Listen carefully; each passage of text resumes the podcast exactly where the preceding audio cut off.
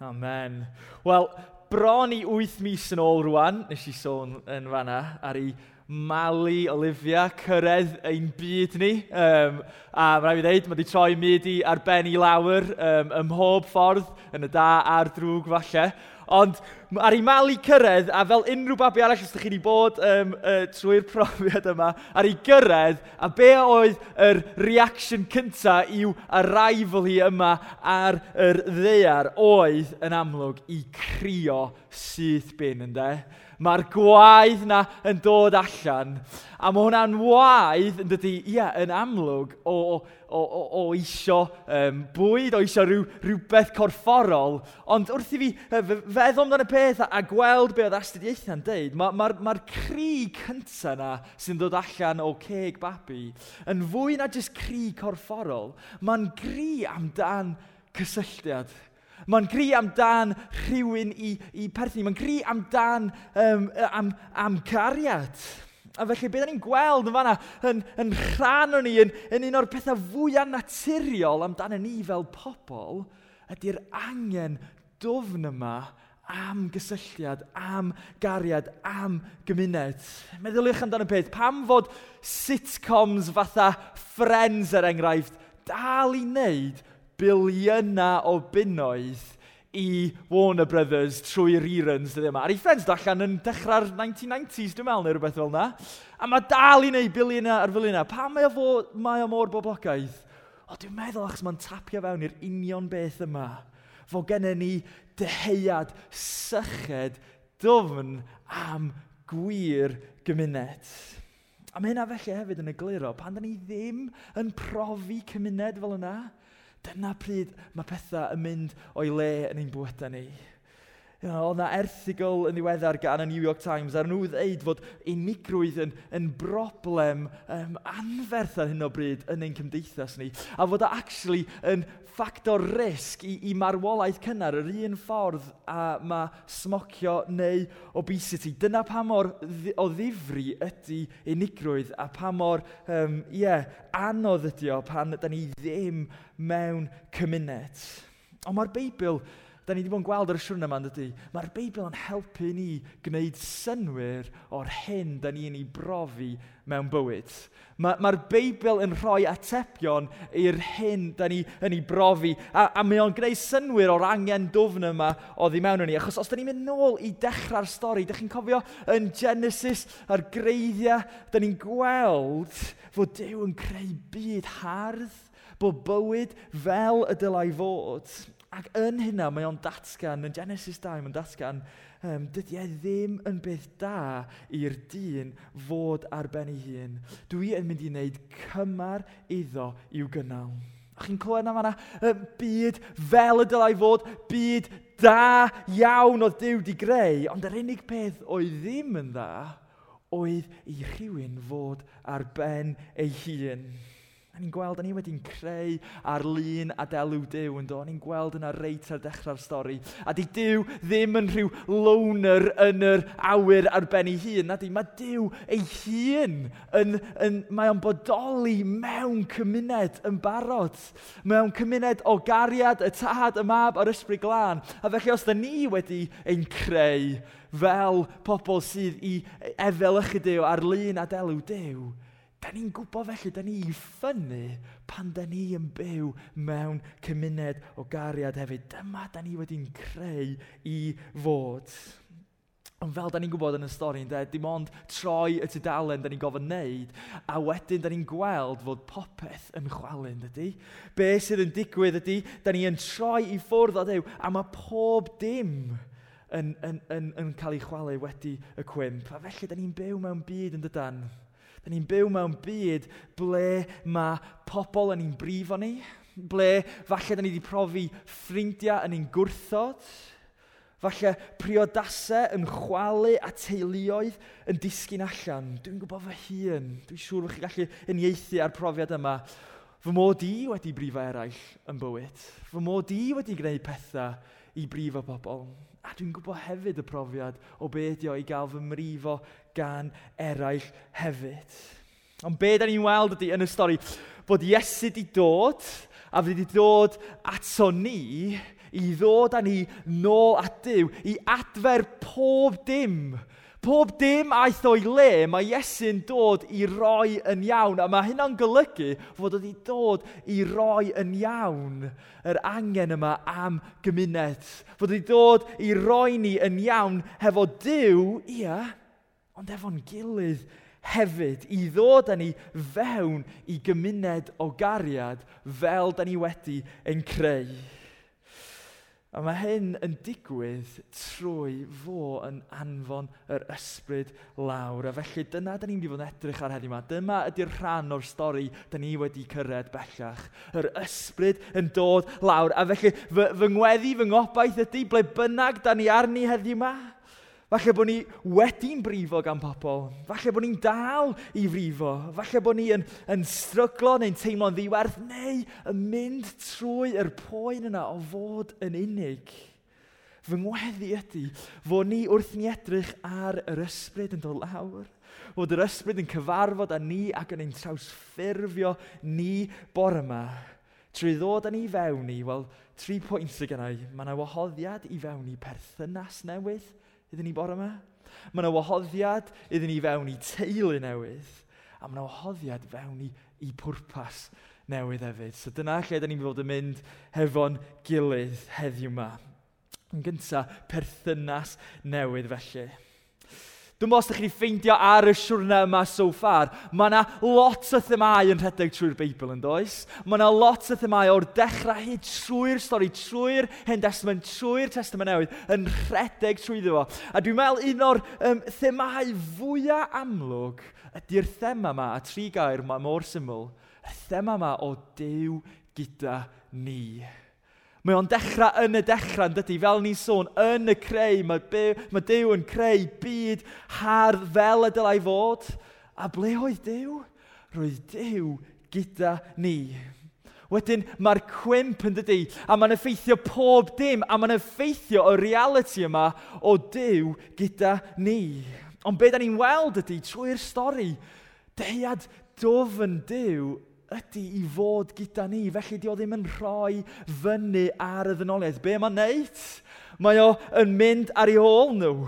Mae o'n achub nhw. Mae o'n peidio rhoi fyny ar nhw er bod nhw yn rhoi fyny ar Dyw tro ar ôl tro. Mae Dyw yn committed i fod gyda ni. A felly dyna pa mae'n deud i Israel i adeiladu, wel, tabernacl yn gyntaf yn yr anialwch a wedyn teml yn y lad.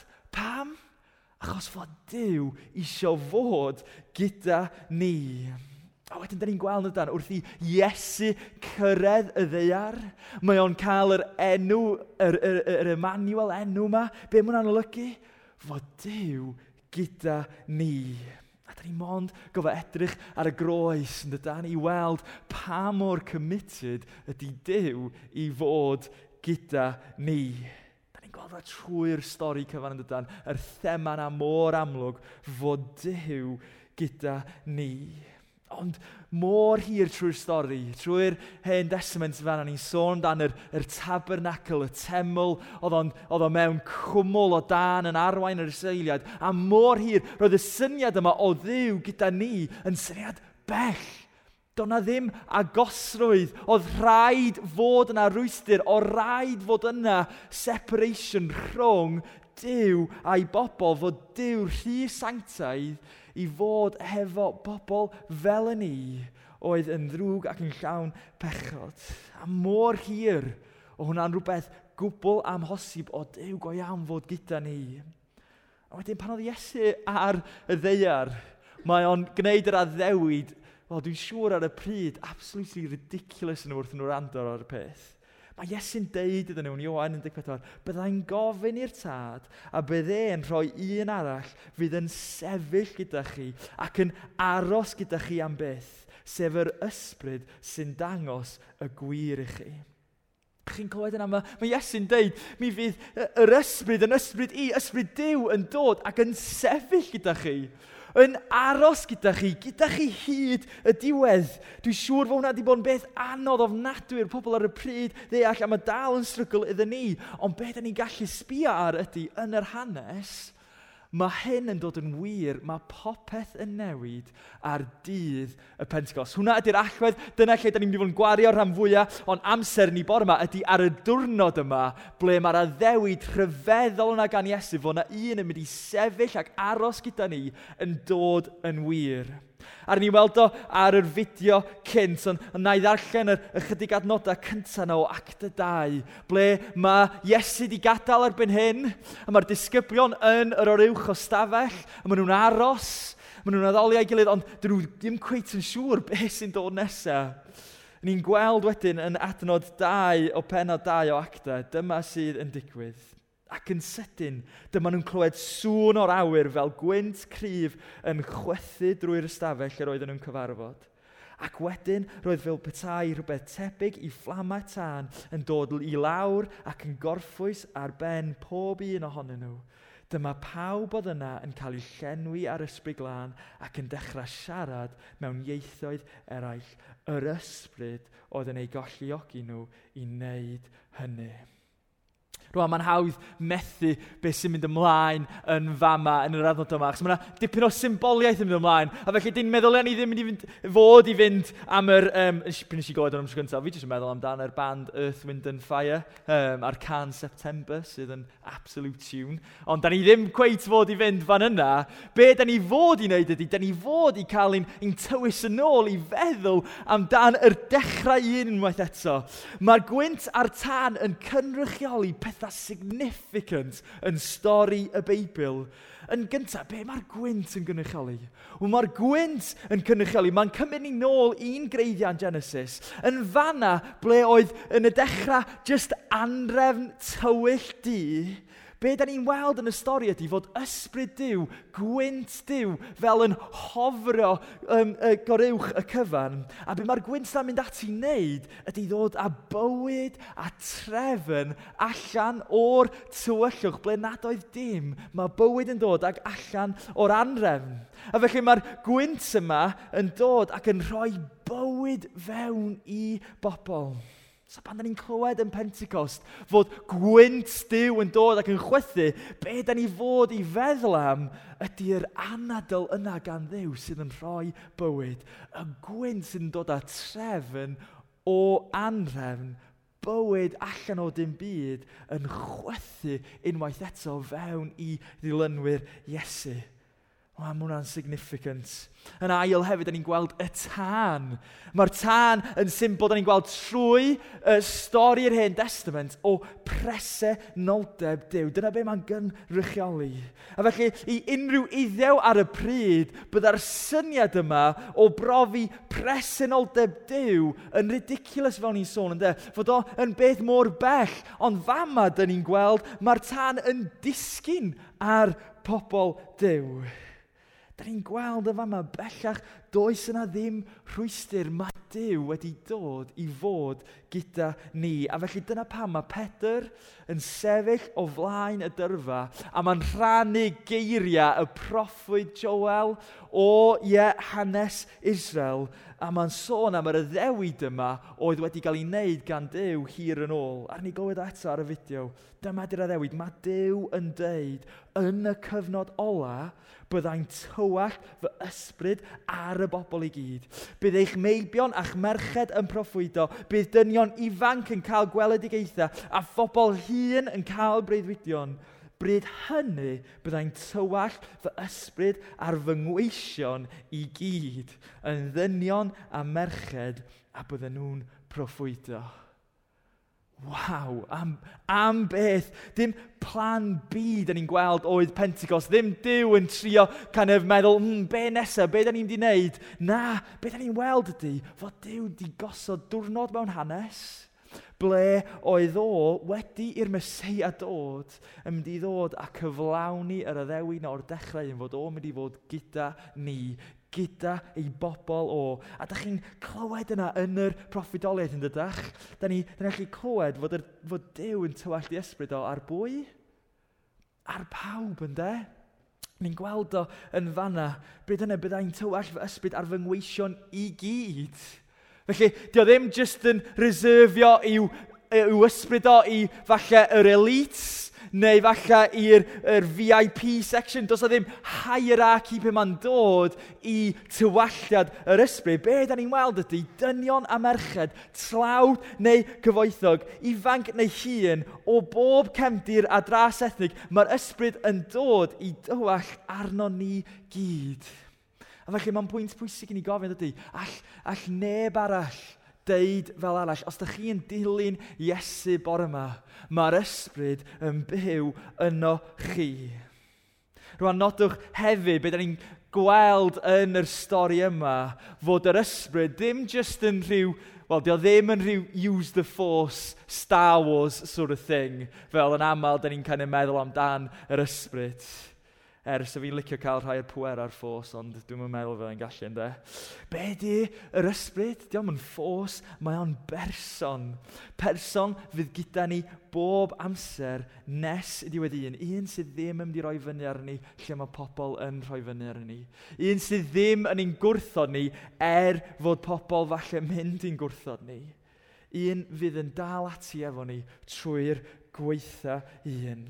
A mae'n yna ddarno barddoniaeth enwog, dwi'n siŵr ydych chi wedi dod draws yn yr gorffennol. Gair yn nhw um, footprints. A'r syniad yma yn yr darno barddoniaeth ydy fod yna dyn yn cael breuddwyd, fod o'n cerdded hefo dew ar y traeth, a mae fywyd cyfan fo yn fflachio o'i flaen o. A beth ni'n gweld ydy'r holl amser, mae oel traed dau person yn y tywod, ond wedyn wrth i'r cyfnodau anodd fflachio o'i flaen o, mond hoel un baradrau sydd i weld. A felly, yn ei boen a'i dicter teg at Dyw, mae'r person yn troi at y Dyw yn dweud, ble oeddet ti? Ble oeddet ti yn y cyfan? Yn yr adegau caled, mond hoel un trai sydd yna. Pam lle wyt ti? Pam ti'n gadael fi yn yr cyfnodau anodd? A wedyn mae Dyw yn ymateb yn y darn yma farddoniaeth. Fy mhlentyn, dwi'n digaru. A ti'n gweld pan ddaeth y cyfnodau anodd? Dyna pryd o'n i yn dygario di. Dyna pam hoel mond un person oedd i weld ar y traeth. A dyna ydy rôl yr ysbryd o'n i'n bod yn ni. I sefyll gyda ni. I aros gyda ni. I'n cario ni. A Felly does na ddim perthynas tebyg i'w gael, nag oes? All pobl ddim rhoi yr hyn mae'r ysbryd yn ei gynnig iddyn ni. A felly y cwestiwn fwy naturiol iddyn ni bore yma ydy, Da ni wedi profi'r perthynas yna am ein hunain. Ydy ni wedi dod fewn i'r perthynas yna am ein hunain. Mae'r gwahoddiad yna i ni gyd, neu falle un o bore yma, fod ni'n jyst i colli golwg ar perthynas yna da ni wedi dod fewn i. Fod ni wedi colli golwg ar y rhyfeddod o'r gwahoddiad sydd yma gan Dyw i brofi ei bresenoldeb o hefo ni trwy'r amser fy ngweddi bore yma ydy fod ni'n profi hyn yma unwaith eto. Dyna pam, fel dilynwyr Iesu, da ni'n gofyn am tywalliad ffres o'r ysbryd. Ddim achos bod ni yn lacio dim byd, ond achos bod ni angen yn atgoffa unwaith eto ein llenwi o'r newydd o y reality fod Dyw yn bresennol hefo ni. Felly, da ni wedi gweld yn gyntaf fod yna gwahoddiad i fewn i perthynas, ond hefyd mae yna gwahoddiad fewn i teulu anhygol yn does. Achos mae yr ysbryd yn dod a dew at ni, ond hefyd, fel da ni'n gweld, mae wedi dod i ddod â ni at ein gilydd. A felly, dwi'm yn gwybod os ydych chi wedi dod ar draws um, yr coed yma, o'r enw'r secoia neu yr, yr coed um, coch fawr, yr kind of Canadian Redwoods. Mae dyma ydy rhai o'r coed mwyaf yn y byd. Go iawn, googlech fo, mae o'n absolutely amazing. Mae'r ma ma, ma kind of, yr, yr images ydych chi'n gweld ar Google yn nuts pa mor fawr ydy'r coed yma. Ond beth sy'n rhyfeddol amdano nhw ydy, diw greiddiau nhw actually ddim o'r ddim. So chi'n meddwl i coed môr anferth, bysa'r greiddiau'n ddofn yn y ddeiar, ond actually dyn nhw ddim. Be sy'n neud nhw mor gryf, be sy'n achosi nhw tyfu mor fawr ac i sefyll trwy y stormydd gweitha, ydy'r ffaith bod y greiddiau wedi plethu a'i gilydd. Dyna ydy sut mae yr coed yma yn sefyll a môr hir ac yn môr gryf ydy achos bod i'w greiddiau wedi plethu a'i gilydd. Dwi'n meddwl hwnna yn ddarlun anhygol o be mae'r ysbryd yn gwneud ymhlith ni. Mae o'n dod â ni fewn i deulu un wedi ei blethu a'i gilydd. A felly ar dydd y Pentecost, ni'n gweld fod yna cymuned newydd yn cael ei enni'n does? Cymuned oedd y byd ar y pryd erioed wedi ei weld. Ac actually, mi oedd o mor wahanol i'r byd ar y pryd. Nath o endio fyny newid yr byd oedd yn bodoli ar y pryd. A ni'n just darllen y disgrifiad da ni'n gael ar diwedd acta 2 o be ydy yr, y gymuned yma roedden nhw'n dal ati o ddifri, yn dilyn beth oedd yr apostolion yn ei ddysgu, yn rhannu popeth, yn bwyta a dathlu swper yr arglwydd ac yn gweddio gyda'i gilydd. Roedd rhyw ymdeimlad o ryfeddod dofn yn eu plith nhw. Roedd yr apostolion yn gwneud gwirthiau rhyfeddol oedd yn dangos fod dew gyda nhw. Roedd pawb oedd yn credu yn teimlo bod nhw'n un teulu ac yn rhannu popeth gyda'i gilydd. Roedden nhw'n gwerthu ei heiddo er mwyn gallu helpu pwy bynnag oedd mewn angen. Roedden nhw'n dal at i gyfarfod bob dydd yng Nghwrt y Deml ac yn bwyta a dathlu swper yr arglwydd yn hau gilydd yn llawen a hael. Roedden nhw'n moli dew ac roedd agwedd pobl tuag atyn nhw yn bositif iawn. Roedd mwy a mwy o bobl yn ymuno â nhw ac yn cael ei achub gan ddew bob dydd am ddisgrifiad ynddo, am weledigaeth i ni heddiw yma. A mae yna gymaint allan ni bigo allan o'r er weledigaeth yma am yr eglwys. Ond dwi eisiau jyst dod â ddau peth sydyn iawn allan iddyn ni.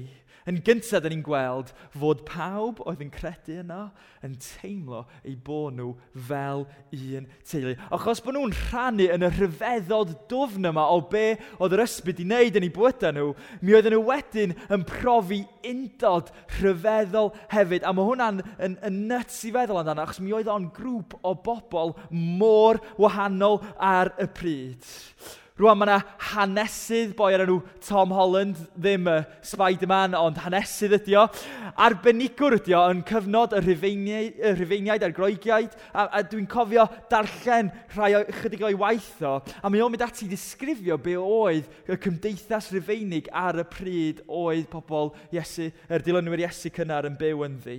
A be mae'n disgrifio fo fel ydy un dychrynllyd a chreulon. Oedd o'n gymuned oedd yn exploitio ym mhob ffordd. Oedd yr economi i gyd wedi adeiladu ar ceithwasiaeth. Mi oedd yr moesa rhywiol ar y pryd yn golygu fod dyn rhyfeinig ar hawl i gael, uh, cael rhyw efo'r unrhyw un, pryd bynnag, sut bynnag, pryd bynnag fydda'n hoffi. Ond na babis o pobl ddim isio yn cael ei gadael ar ben tomeni sbwriel, mi oedd o, fel oedd Tom Holland yn deud, yn gymuned hynod o greulon. Ond be da ni'n weld ydy, yn y tywyllwch yna, be mae'r ysbryd yn neud? Ond ffurfio cymuned o oleini ynddo. Pobl o undod absolutely rhyfeddol i'r pryd. Fel y secoia, fel y coed coch mawr yna, maen nhw'n clymu yn hyd. Maen nhw'n dod i gefnogi ei gilydd fel teulu.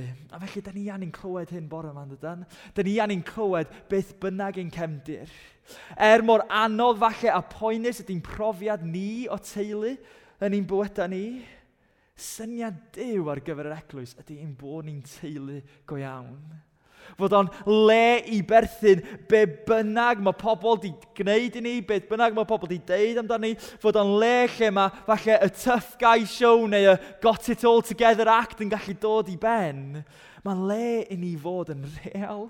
Mae'n le iddyn ni fod yn onest, i ame a hefyd i gael ein caru. Achos yn y diwedd ynddo, da ni'n gwybod, da ni wedi'n caru edrych ar y groes gan Iesu yn ddiddiwedd, a fo mae'r Beibl yn disgrifio ydy pen yr eglwys.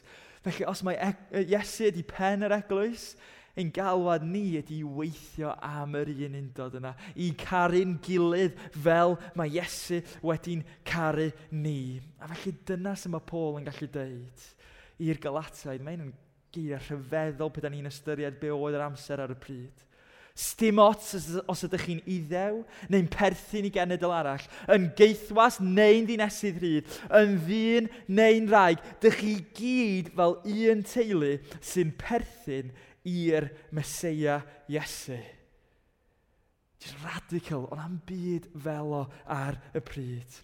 Ac nhw'n gweld i gilydd fel un teulu, ond hefyd o'n i wedi gweld, oedden nhw yn, yn rhannu popeth a'i gilydd, hyd yn oed yn barod i gwerthu eiddo er mwyn helpu eraill oedd mewn angen. Dyna yw galwad yr eglwys, a mae dal i fod yr un peth heddiw yma.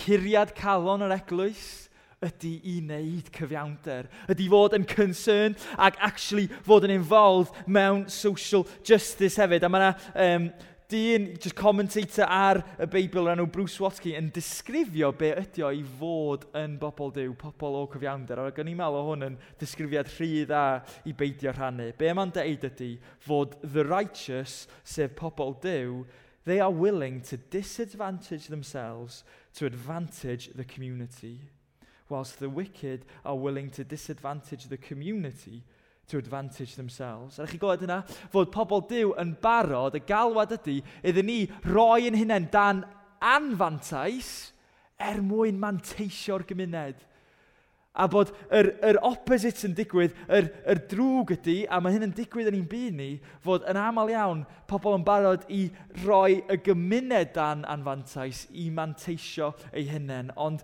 mae Iesu yn rhoi priorities pan mae'r ysbryd yn ein llenwi ni. Mae'n rhoi golwg hollol gwahanol ar bywyd, a dyma be mae'r cymuned yn neud, ynddo? Maen nhw'n gwerthu eiddo. Maen nhw'n rhannu popeth. Mi oedd na gost i be oedd nhw'n gofod wneud i wneud siŵr fod pobl ddim mewn angen. Mi oedd nhw'n anfanteisio eu hunain er mwyn manteisio eraill. A felly i ni heddiw yma, mae rhaid i ni gofio, dyma ydy curiad calon yr eglwys. Fron iawn, yr kind of most natural expression o beth ydi o'i gael ei llenwi gan yr ysbryd ydy gwneud hyn, ydy gwneud cyfiawnder. A'r cwestiwn felly ydy pa mor bell ydyn ni'n barod i fynd. Pa mor bell ydyn ni'n barod i fynd drost eraill. Swn so, ni'n gweld yn do, mae yna wahoddiad i perthynas newydd, mae yna wahoddiad i teulu newydd, ac yn ola mae yna wahoddiad i pwrpas newydd.